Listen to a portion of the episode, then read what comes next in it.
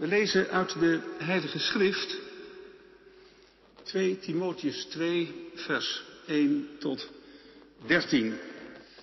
U dan, mijn zoon, wordt gesterkt in de genade die in Christus Jezus is. En wat u van mij gehoord hebt onder vele getuigen, vertrouw dat toe aan trouwe mensen, die bekwaam zijn om ook anderen te onderwijzen. Leid verdrukkingen als een goed soldaat van Jezus Christus. Niemand die in het leger dient, wordt verwikkeld in de zaken van het levensonderhoud. Of dat hij hem kan behagen die hem voor de krijgsdienst aangenomen heeft. En ook als iemand aan een wedstrijd deelneemt, krijgt hij geen krans als hij de spelregels niet in acht heeft genomen. De landbouwer die zware arbeid verricht, moet als eerste in de vruchten delen. Denk na over wat ik zeg, maar laat de Heer u inzicht geven in alle dingen. Houd in gedachten dat Jezus Christus uit de doden is opgewekt, uit het nageslacht van David, overeenkomstig mijn evangelie. Daarvoor leid ik verdrukkingen en draag zelfs boeien als een misdadiger. Maar het woord van God is niet gebonden. En daarom verdraag ik alles. Ter wille van de uitverkorenen, opdat ook zij de zaligheid in Christus Jezus zouden verkrijgen met eeuwige heerlijkheid. Dit is een betrouwbaar woord, want als wij met Hem gestorven zijn, zullen we ook met Hem leven. Als wij volharden, zullen we ook met Hem regeren. Als wij Hem verloochenen, zal Hij ons ook verloochenen. Als wij ontrouw zijn, blijft Hij getrouw. Hij kan zichzelf niet verloochenen. Tekst voor vanmiddag is uit het Bijbelgedeelte dat we gelezen hebben. 2 Timotheus 2, vers 8. Houd in gedachten dat Jezus Christus uit de doden is opgewekt, uit het nageslacht van David, overeenkomstig mijn evangelie. Als we de brieven van Paulus lezen, gemeente, dan komen we meer dan eens tegen dat hij in een gedeelte waarin hij uh, wat gedachten ontvouwt over praktijk van het gemeenteleven of ook ingaat op problemen die er zijn, dat hij ineens Christus ter sprake brengt en niet, om zo te zeggen, in het voorbijgaan, langs zijn neus weg, maar inhoudelijk, vol, centraal, radicaal. Dat zijn wij, denk ik, niet zo gewend. Als iemand in een gesprek zomaar Christus ter sprake brengt, dan voelen we toch, als ik me niet vergis, gauw een zekere verlegenheid van, oeh, doe je dat eigenlijk wel? Dat heeft te maken natuurlijk met onze huidige tijd, met zijn blokkades. Als jij uh, zegt dat je Jezus Christus beleidt, nou, dan heb je wel wat uit te leggen. Mooi als je die kans dan ook krijgt. Aan de andere kant, eh, onze tijd vraagt er ook om. Heeft ook zijn mogelijkheden. De leegte die zich vandaag doet gelden, vraagt erom dat er mensen zijn die dan heel eenvoudig en heel centraal weten te zeggen wat hun leven draagt en, uitzicht geeft. Maar goed, dat, dat, dat zijn wij. Uh, vanmiddag gaat het erom, waarom doet Paulus dat? En hij doet het niet als enige, er zijn er meer in het Nieuwe Testament. Petrus doet het ook, de schrijver van de Hebreeënbrief. Waarom doen ze dat? Zo in één keer centraal Jezus Christus als de gekruisigde, als de opgestane ter sprake te brengen. En dan het licht van daaruit over heel het leven te laten vallen. Waarom hier? Nou, Paulus schrijft deze brief aan Timotheus en in het gedeelte dat we gelezen hebben, eh, is duidelijk dat eh, deze Timotheus, die Paulus op heel wat reizen heeft vergezeld en een betrouwbare eh, medewerker is gebleken, dat Timotheus nu ergens op zichzelf werkend de wind pal tegen heeft. En de tekst is dus geschreven aan een diener van het evangelie die zoals wij vandaag dat zouden zeggen er doorheen zit. En wat doet Paulus dan? Hij pampert hem niet.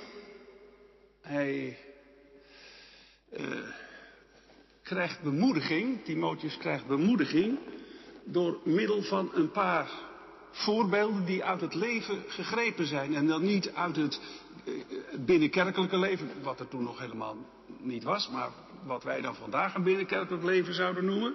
Nee, een boer, een sportsman, een soldaat. Het zijn geen heiligen die ten tonele worden gevoerd. En de soldaat en de sportsman zijn niet bepaald eh, mensen die in het kerkelijk taalgebruik meteen overal eh, bekend verondersteld kunnen worden. Alle drie zeggen ze dat capitulatie, het vaantje strijken, is uitgesloten. Al eerder in deze brief heeft Paulus tegen Timotheus gezegd, denk er goed aan, God heeft ons niet een geest van lafhartigheid gegeven, maar een geest van kracht en van liefde en van bezonnenheid. De voorbeelden spreken voor zichzelf. Een soldaat, die heeft mensen die, die, die zorgen voor zijn levensonderhoud, voor zijn, zijn, zijn kuchje. Zo heet dat bij een soldaat. En daar hoeft hij niet om na te denken. Timotheus, hou dat voor ogen. Die zorgen parkeer je maar ergens anders. Atleet moest zich aan de spelregels houden. Ja, dat is gewoon, het hoort bij het spel. Het hoort ook bij het spel voor het aangezicht van God. God zet lijnen uit. En ga nou in die lijnen en ga er niet tussenuit. Want in die weg geeft God zijn zegen. En dan de boer. Ja, het is hard werken, zegt Paulus. Maar je bent wel degene die straks als eerste, als de oogst binnen is, of bezig is binnengehaald te worden, ervan mag genieten. Denk er maar eens goed over na. Laat Paulus er dan op volgen. Ik zeg dit niet zomaar. En de Heer zal je inzicht geven. En dan in één keer, geheel onvoorbereid, onze tekst. Blijf steeds gedenken. Jezus Christus, de opgewekte uit de doden. En Paulus schrijft daar over de opstanding van Christus eh, op een manier die duidelijk maakt dat daarmee alles werkelijk staat of valt. Een beeld, dat is om zo te zeggen de grote zekering in de klimwand die het leven toch ook is. Dat is soms niet eenvoudig, maar dit is de zekering. Dit is waar je houvast aan hebt. En, en hij zegt dus niet, denk terug aan de opstanding, maar gedenk de opgestane. Denk aan hem, breng hem in gedachten. Houd hem in gedachten.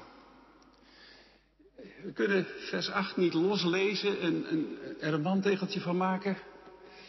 Nou ja, het mag wel, maar dan moet je wel steeds die omgeving erbij lezen en erbij bedenken. Daar hoort het bij. Het staat niet los van het leven. Het staat er middenin.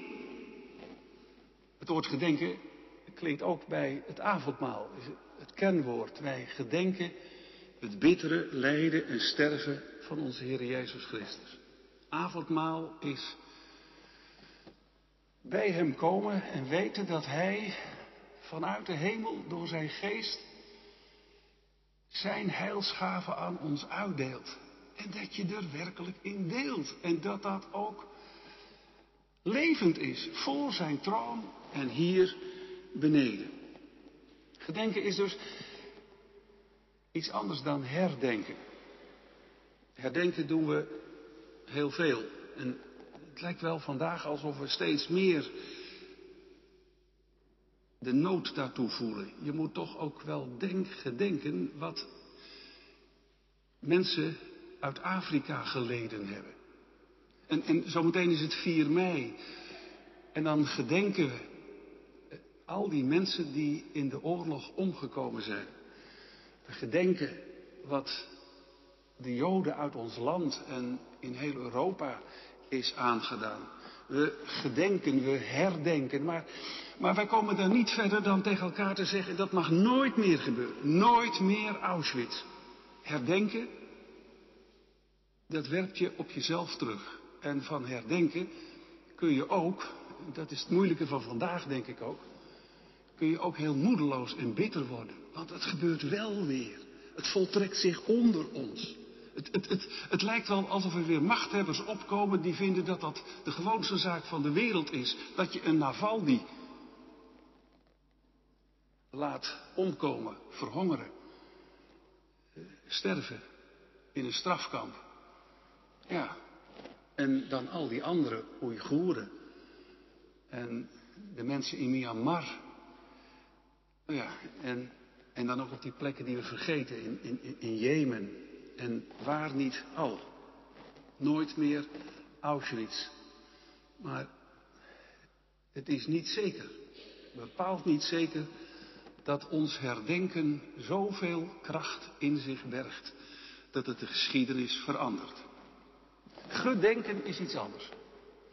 Gedenken betekent ons actief op Hem te richten, Hem te binnen te brengen in zijn weg naar het kruis toe, de dood in, zijn opstanding uit de doden, ongedacht. Sta op een morgen ongedacht.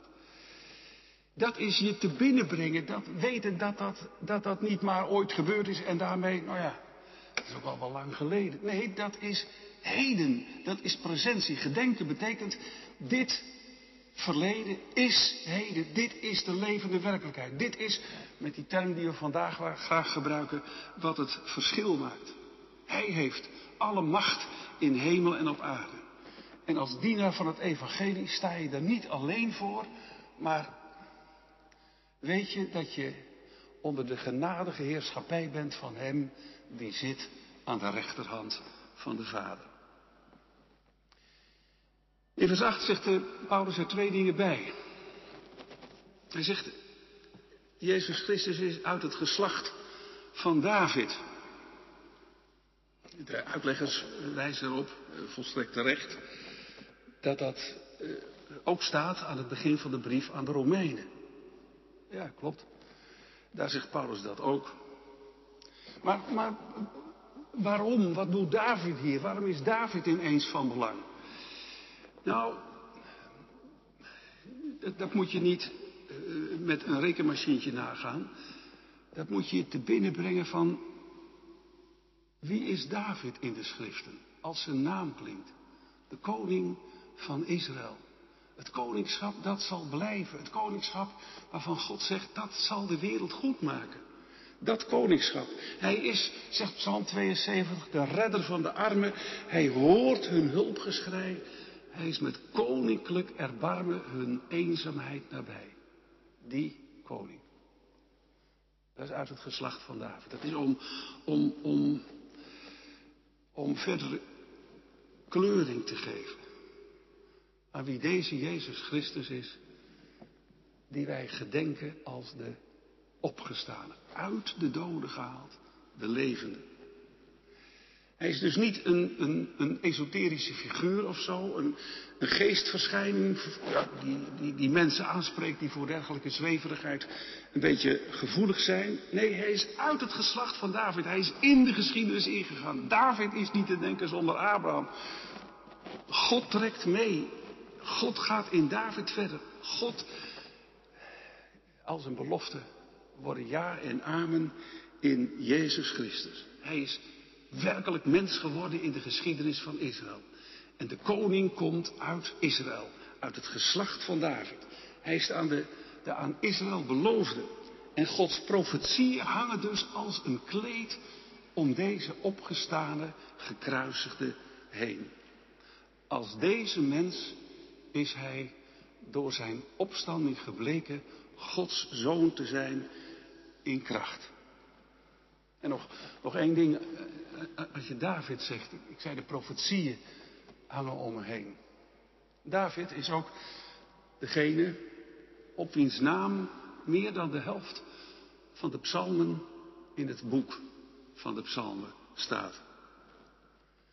David heeft in al die psalmen zijn nood uitgezongen, zijn vertwijfeling. Waarom moet ik vluchten? Waar bent u, God? Zijn schuld beleden, psalm 51. Alle facetten van het leven komen in die psalmen van David aan de orde. En Jezus is de zoon van David, ook in die zin dat hij zijn weg heeft afgetast aan de hand van de psalmen van David. En hij heeft ze gevuld met zijn eigen bestaan. Hij heeft ze vervuld. Hij heeft gemaakt dat die psalmen een kracht hebben vanuit hem. Zodat u en jij en ik ze in ons leven kunnen zingen. En ons hart eraan ophalen. En erdoor getroost worden. En dat doet hij ook dan nog. Zo werkt hij met de psalmen. Hij is er doorheen gegaan. Hij is de inhoud ervan. Hij heeft ze vervuld om door zijn geest ons te bemoedigen en terug te roepen en te troosten. Uit het geslacht van David. Ik denk dat, dat, het, dat het goed is om dat niet te vergeten, dat dat erbij staat. Er staat nog iets bij. Overeenkomstig mijn evangelie. Naar mijn evangelie. Mijn evangelie. Is dat niet een klein beetje raar dat Paulus dat erop laat volgen? Probeert hij de opgestane uit het geslacht van David nu door middel van mijn evangelie te claimen voor zijn bediening? Dringt hij zichzelf naar voren om in de glans te delen? Wat is dat? Waarom doe je dat? Waarvoor heb je dat nodig, Paulus? Mijn evangelie. Het is niet de eerste keer dat hij dat zegt in deze brief. En hij zegt het ook al in de eerste brief aan Timotheus. Hij zegt het ook in het vorige hoofdstuk. En ik lees die tekst, vers 9. En hij zegt daar in hoofdstuk 1, vers 9 en volgende dat Gods heilsvoornemen van voor alle tijden, en dan komt het, nu is geopenbaard door de verschijning van onze heiland Jezus Christus, die de dood heeft teniet gedaan en onvergankelijk leven aan het licht gebracht door het evangelie. Weer zo'n vreemde uitdrukking. Onvergankelijk leven aan het licht gebracht door het evangelie. Wat, wat, wat doet dat erbij? Wat mogen we ons erbij denken? Er staat nu weliswaar niet mijn evangelie, maar het evangelie. Nou, Paulus zegt erbij, dit is door het evangelie waarvoor ik, ik ben aangesteld als prediker, apostel en leraar van de heidenen. Dus daar gaat het om. Als hij zegt, door het evangelie en naar mijn evangelie. Dat dat evangelie van de opgestane, uit het geslacht van David is hij, een en al bekleed met de profetieën en met de psalmen, daar komt hij naar je toe. Jezus Christus is nooit ver van u en mij. De Nederlandse geloofsbelijdenis zegt in een van die prachtige passages die erin staan, dat wij niet angstig om ons heen hoeven te kijken. Want er is niemand in hemel op, of op aarde die ons zo lief gehad heeft als Christus. Daar zingt de beleidenis. Die, die, die Christus, omgeven met zijn profetieën, en je kunt zingen met de psalmen, die, Jezus Christus, uit het geslacht van David, heeft ook Paulus en na Paulus anderen in de loop van de geschiedenis geroepen om dat evangelie uit te dragen. Dat hoort erbij dat er mensen zijn als Paulus die zijn aangesteld om met gezag te zeggen, we zijn niet vernuftig gevonden mythen nagevolgd toen we jullie de kracht en de komst van Christus verkondigd hebben. Maar we, we hebben u het profetische woord verkondigd. Dat staat vast. Dat staat als een huis. Jezus Christus gedenken is niet zweverig worden, maar is weten wie in deze geschiedenis een beslissende woord heeft gesproken. Ook over mijn bestaan. Met al zijn lek en gebrek. Met zijn moeite en zijn vragen. Met zijn zonde en tekortkoming. En daarom gedenken.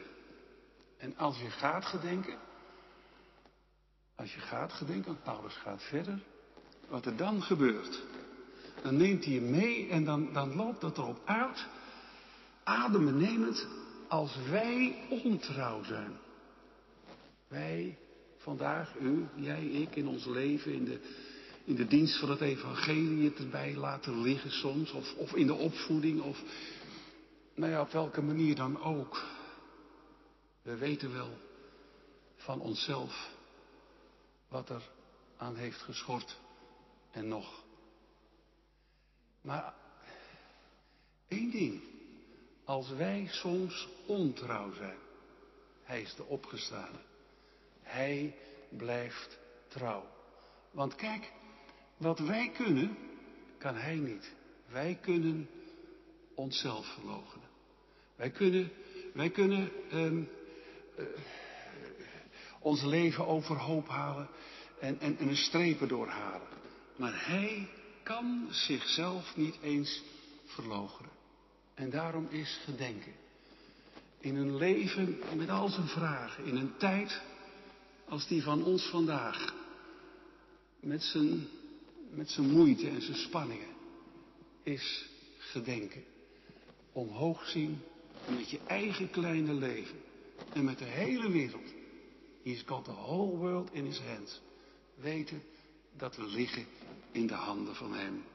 Die als wij ontrouw zijn, trouw blijft. Dankzij de opstanding van Jezus Christus uit de doden. Dat gedenken tilt je boven alles uit. Amen.